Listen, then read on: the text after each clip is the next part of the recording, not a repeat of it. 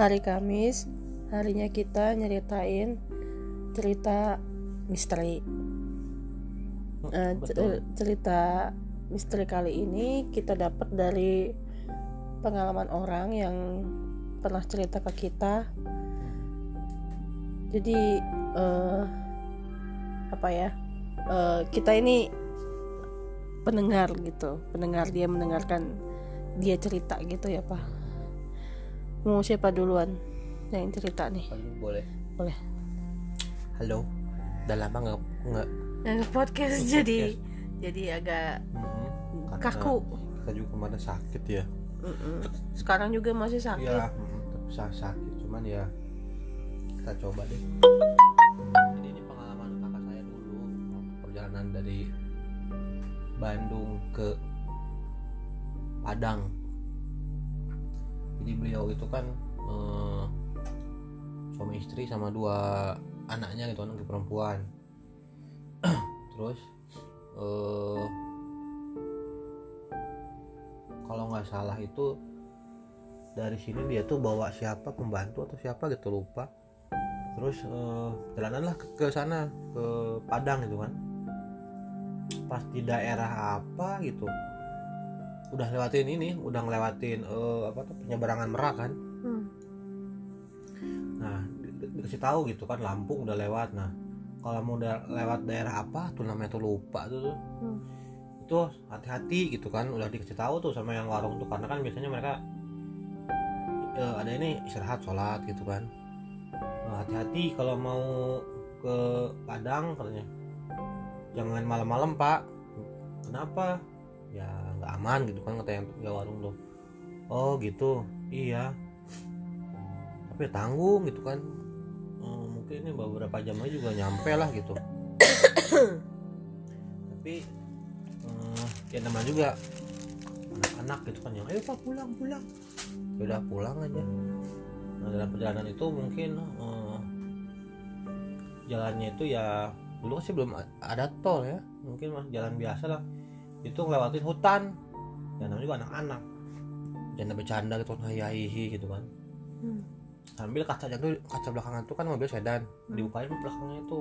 Hmm. ketawa-ketawa aja. Terus kata eh, kakak saya tuh yang perempuan. Eh udah jangan eh, main-main gitu kan.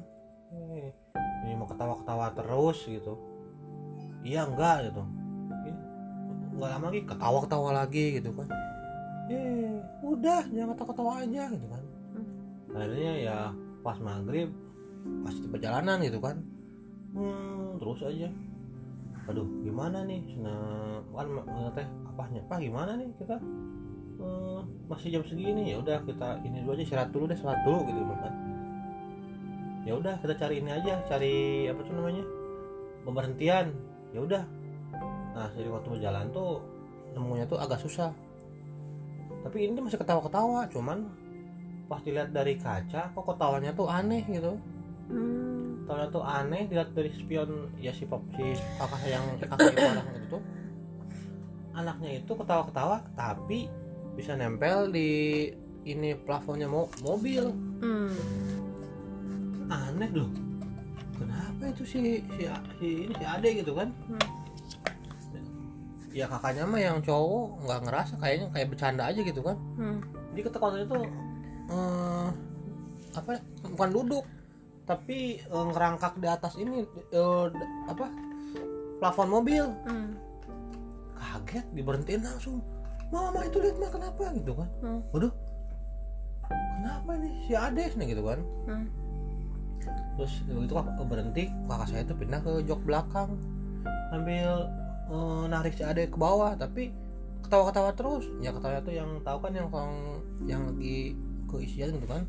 Ketawa gitu terus eh, ade ade ade kenapa ade nyebut ade ade nyebut nyebut? Gitu kan. Nggak mau berhenti ketawa terus padahal udah gak ada yang lucu. Terus sampai kakaknya sendiri aneh gitu kan. Ade ade gitu. Kan eh terus aja ketawa gitu kan. Akhirnya apa apa udah pak kita cari ini dulu cepet-cepet warung gitu kan. Nemu aja warung itu berhenti aja. Terus pak bapaknya itu baca-baca kan tapi nggak mempan juga akhirnya coba eh, beli beli air kata eh, kakak saya suaminya. Ya ya ya. Beli air aja. Terus si ibu tuh ngelihat gitu kan. Saya punya warung tuh nanyain kenapa pak? Kok buru-buru? Iya itu eh, anak saya. Kenapa? Nggak tahu kota-kota nggak mau berhenti gitu kan. Oh hati-hati ya tuh dari mulai mana? Nggak tahu tadi di perjalanan lewat eh, hutan gitu kan terus kata si ibu teh eh, pokoknya manggil suaminya lah aja ngomong itu apa? Lupa saya. Eh, itu tolong di- diliatin gitu kan. Katanya ada anak-anak ketawa terus gitu kan. Diliatin lah sama si suami yang si ibu yang warung teh. Hmm. dilihat teh iya. Eh, teh, eh, kakak saya tuh lagi me- megangin tangannya gitu kan dah ketawa terus. Akhirnya kata si bapaknya tuh aduh ini mah. Udah keluarin bawa ke sini keluar keluar gitu kan. Kenapa enggak apa apa gitu kan. Terus tanya lagi sama si bapak tuh tadi lewat mana? Ya lewat jalan biasa ini pak. Oh harusnya kalau udah mau maghrib gini jangan diterusin cari dulu. Iya kami itu nyari tapi belum dapet gitu kan. Oh gitu. Iya lagian tuh anak ketawa-ketawa dia tuh dari ini gitu kan dari semenjak perjalanan. Udah saya bilang jangan ketawa-ketawa eh kekeh terus bu tahu nggak tadi eh, kalau pas kesalahan tuh ada kuburan gitu kan? Hmm. oh di mana? Nah mungkin berapa kilometer dari sini. Oh saya nggak lihat udah gelap. Nah itu makanya larangan untuk gitu, eh, kalau lewat di sini itu jangan eh, ya ketawa tuh dianggapnya ngeganggu lah gitu kan. Hmm. jadi harus ini. Ya habis susah pak dikasih tahu tuh si anaknya tuh ya namanya anak kecil gitu kan. Hmm. oh yaudah gini aja. Hmm, mana ada air nggak gitu kan cuma nanti susah nah gitu mah ngontak-ngontak. Akhirnya tuh dikasih ini aja hmm, air minum kan. Air minum didoain nangis-nangis terus teriak. Dipegangin tangannya itu teriak-teriak teriak. Ya kakak saya tuh panik kan aduh ini kenapa nggak apa-apa pak? "Ah, nggak apa-apa ini memang eh, si ininya tuh merasa terganggu dengan eh, ketawa-ketawa sepanjang perjalanan itu gitu kan. Makanya kan sudah bilang hati-hati kalau malam tuh jangan bisa tuh jangan inilah yang eh, lewat Sumatera gitu kan Hmm. akhirnya ya udah nggak lama kemudian tuh bisa keluar Hmm. nah cuman setelah dikeluarkan itu kan akhirnya mereka pergi lagi tuh cari hotel dengan kondisi sekarang mah nggak ada yang apa ya di depan tuh eh, bapaknya sama kakak laki-laki di belakangnya ibunya sama eh, si apa sih belakangnya ibunya sama si adik teh sama satu orang pembantu kalau nggak salah tuh. Hmm. tapi itu mereka tuh nggak ngomong gitu satu lain. Mungkin karena aduh tuh ada apa-apa gitu. Diem aja tuh. Akhirnya katanya baru dapetin itu tuh sekitar satu setengah jam kemudian baru dapetin hotel itu pun yang biasa aja. Karena kan dulu kan tahu sendiri kalau Trans Sumatera itu kayak gimana sih jalannya gitu. Hmm. Akhirnya ya udahlah kita di sini dulu putusin di sini nginep aja deh. Daripada hal-hal kejadian gitu kan yang aneh-aneh. Hmm. nah itu langsung- langsung telepon ke ke Bandung gitu nanya iya tadi mah mereka kok wah langsung kan yang di Bandung. Makanya jangan ini apa tuh jangan malam-malam. Ya habis gimana tuh udah kemarin juga Trans Sumatera katanya. Cari rumahnya susah hotel tuh kan. Ya udah istirahat dulu. Istirahat aja. Itulah jadi ya itunya sih prinsipnya tuh kalau kita nanti mau jalan jauh gitu kan yang anak kecil tuh kalau bisa jangan suruh bercanda-bercanda lah karena kan nggak tahu siapa tahu dia keganggu atau gimana gitu Hmm. itu sih pengalamannya Hmm. pengalaman sih ceritakan sama kakak gitu Hmm. Kalau kalau aku cerita yang aku dapat tuh kalau nggak salah waktu aku masih SD itu aku dapat cerita dari mama. Jadi waktu aku masih kecil itu Dedi sempat dioperasi usus buntu di rumah sakit nggak di Jakarta. Rumah sakit apa ya? Rumah sakit TNK TNI Angkatan Udara kalau nggak salah. terus terus udah gitu eh, yang nungguin di rumah sakit kan mama sendiri nungguin Dedi jadi itu waktu itu baru habis dioperasi jadi efek biusnya masih ada gitu kan jadi masih teler-teler gitu. Terus mama nungguin terus sekitar jam berapa ya kata mama? Udah lewat tengah malam kok nggak salah.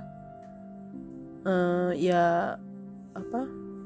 Kebetulan itu dapat ruangan itu yang kelas kelas 2 gitu. Nah jadi mama bisa tidur di sebelahnya sebenarnya karena kosong. Jadi satu ruangan kalau nggak salah ada dua pasien gitu. Tapi karena mama takut nanti tiba-tiba tengah malam atau uh, ya lagi keadaan tidur tahu-tahu ada pasien masuk kan gak enak juga kan. Akhirnya ya udah uh, mama tuh sambil duduk terus kepalanya tuh ke tempat tidur Dedi gitu. Terus udah gitu uh, pas jam berapa ada kedengeran suara langkah kaki gitu di depan pintu kamar ke arah kamar Dedi gitu. Terus uh, ada suara masuk gitu kan. Uh, dia uh, ngebuka gitu ternyata suster kata mama. Terus dia uh, ada apa sus? gitu kan. Uh, bapak gimana keadaannya bu ya, ya lagi tidur sus. Ya habis operasi mungkin masih masih anestesinya masih terasa gitu. Oh iya nggak apa-apa. Kalau ada apa-apa hmm, ini aja panggil suster katanya gitu. Saya ada kok lagi jaga katanya gitu. Oh iya sus terima kasih. Ibu jangan tidur di sambil duduk gitu bu. Sakit nanti punggungnya. Ini kan di sebelah kosong tidur aja di situ katanya gitu. Cuma mama bilang aduh nggak enak sus takutnya nanti tiba-tiba ada pasien datang. Enggak kok kayaknya hari ini sepi katanya gitu kan. Oh gitu ya nggak apa-apa ya sus. Iya nggak apa-apa katanya gitu kan. Kasihan kan ibu uh, capek nanti kalau tidur posisinya begitu katanya gitu kan. Ya udah akhirnya mama tidur tuh. Terus pas paginya gitu kan uh, mama uh, nanya gitu. Ada suster yang pagi yang nongol gitu kan. Uh, sus semalam suster suster siapa gitu. Mama dikasih tahu juga namanya sih. Suster siapa? Uh, ini ya jaga malam sendirian ya katanya gitu. Kok nggak takut ya? Saya aja kalau mau keluar katanya gitu mau ke kamar mandi aja. Ada rasa merinding merinding gitu terus kata si suster yang pagi ini bilang mas nama itu nggak ada suster suster itu gitu kan di rumah sakit ini. Masa? katanya gitu. Semalam dia yang nyamperin ke kamar saya katanya gitu kan. Yang ngasih tahu saya buat tidur di sebelah katanya gitu kan. Hmm ciri-cirinya kayak gimana? katanya gitu kan. Terus dikasih tahu ciri-cirinya. Wah kayaknya sih itu bukan suster ya maksudnya suster yang bener gitu bu katanya gitu. Soalnya semalam yang jaga tuh suster siapa gitu. Dan dia itu lagi muter katanya gitu muter tapi bukan ke sini katanya gitu. Oh gitu ya jadi siapa semalam ya sus? Katanya gitu. Ibu gak usah takut katanya gitu. Yang penting dia kan gak ganggu. Iya sih tapi dengan cerita kayak gini jadi ngeri juga sus kayaknya mungkin itu penunggu pohon beringin yang di seberang jendela kamar sini katanya gitu. Hah? Ada pohon beringin? Katanya gitu. Iya akhirnya dibukain jendela ini kamar rawat inapnya Dedi dia nunjukin bahwa memang berseberangan dengan jendela kamar Dedi itu ada pohon beringin besar. Gitu. Tapi kata mama alhamdulillah gak ditampakinnya yang serem gitu. Dia seperti orang aja malah baik gitu kan. Ya mungkin itu tah dulunya mungkin memang suster di situ. Iya. gitu. mm -mm. kayak gitu. Iya iya. Terus bapak ada lagi? Hmm, ada lagi nggak ya? Teman tuh. Ya sih cerita di rumah sakit gitu. Memang itu kadang-kadang banyak banget sih aneh-aneh yang kayaknya hmm, apa? Ya misalnya pasien yang meninggal gitu suka suka datang gitu. Hmm. Cuma di rumah sakit dulu juga si, si mama gitu sih pernah juga. Hmm. masih tahu gitu cuman kalau dia mah diketok-ketok itu nggak dibuka gitu. Bilang ini suster mau ngecek gitu kan. Nggak dibuka biarin aja gitu. Karena jam 2 pagi pikirnya kan siapa? gitu kan. Pas saya datang ini nih eh, ini eh, mama semalam begini masa? Iya terus? Ah dokter kali mah. Bukan masa sih jam 2 subuh gitu kan? Terus dibuka. Enggak mama kunci aja biarin sudah gitu. Hmm. oh gitu. Iya udah biarin biarin aja lah. Pas ditanya bener sih. Nggak ada suster jam segitu tuh memang biasanya suster nggak pada keliling. Keliling tuh biasanya katanya jam 4 mau subuhnya lah gitu karena biasanya jam segitu tuh orang ya pas itu lagi tidur Hmm. jadi nggak mungkin yang keliling itu mungkin ibu hanya ini aja halusinasi cuma digituin Hmm. Hmm. rumah sakit Mm-mm. ada lagi satu lagi nih waktu cerita ini pengalaman sih zaman SMA gitu ya Hmm. SMA tuh di Bandung jadi ya biasa lah udah pernah cerita belum ya yang zaman zaman Ardan awal-awal itu? Oh belum. Yang main ke ITB Belum. Nah, terus kan itu tuh, ini kita dapat eh, tugas dari sekolahan itu untuk membuat eh, rangkuman tentang ini gerhana bulan. Gerhana bulan kan? Akhirnya kita tuh kumpul di rumah teman di Antapani itu namanya Sparto gitu kan. Hmm. kumpul. Terus sholat dulu ada yang sholat dulu ada yang tidur. Akhirnya pas yang tank jam 12 kita keluar tuh naik motor. Ada empat atau lima motor gitu kan. Hmm. tapi lucu tuh mereka tuh ada yang pakai sarung peci ada yang bawa tasbih terus baca bacaan salat gitu kan. Hmm. naik motor antar pani hmm, lewat ke jalan Supratman terus ke atas gitu kan Hmm. tujuannya itu tadi mau ke ITB Hmm. ngelihat ngelihat eh, mat- eh, ini gerhana bulan Hmm. akhirnya berhenti di depan saya ingat itu di depan rumah sakit Boromius yang arah Dago wah lewat sini aja katanya kan ini kan eh, depannya ITB ayo ayo lewat situ aja set. Nah berhubung kita tuh sebelumnya tuh hari apanya tuh kita dengerin eh, ada net nightmare itu kan katanya ada kepala ini ya buntungnya di TB tuh sama kereta kencana itu kan. Nah kita tuh parkir udah nyebrang ke daerah ITB kita parkir dulu. Ya dulu ah sini. Sepi banget nih serem gitu kan. Hmm. terus tiba-tiba eh, satu jam kemudian kayak dari arah ini tuh apa tuh? Dari arah bawah itu.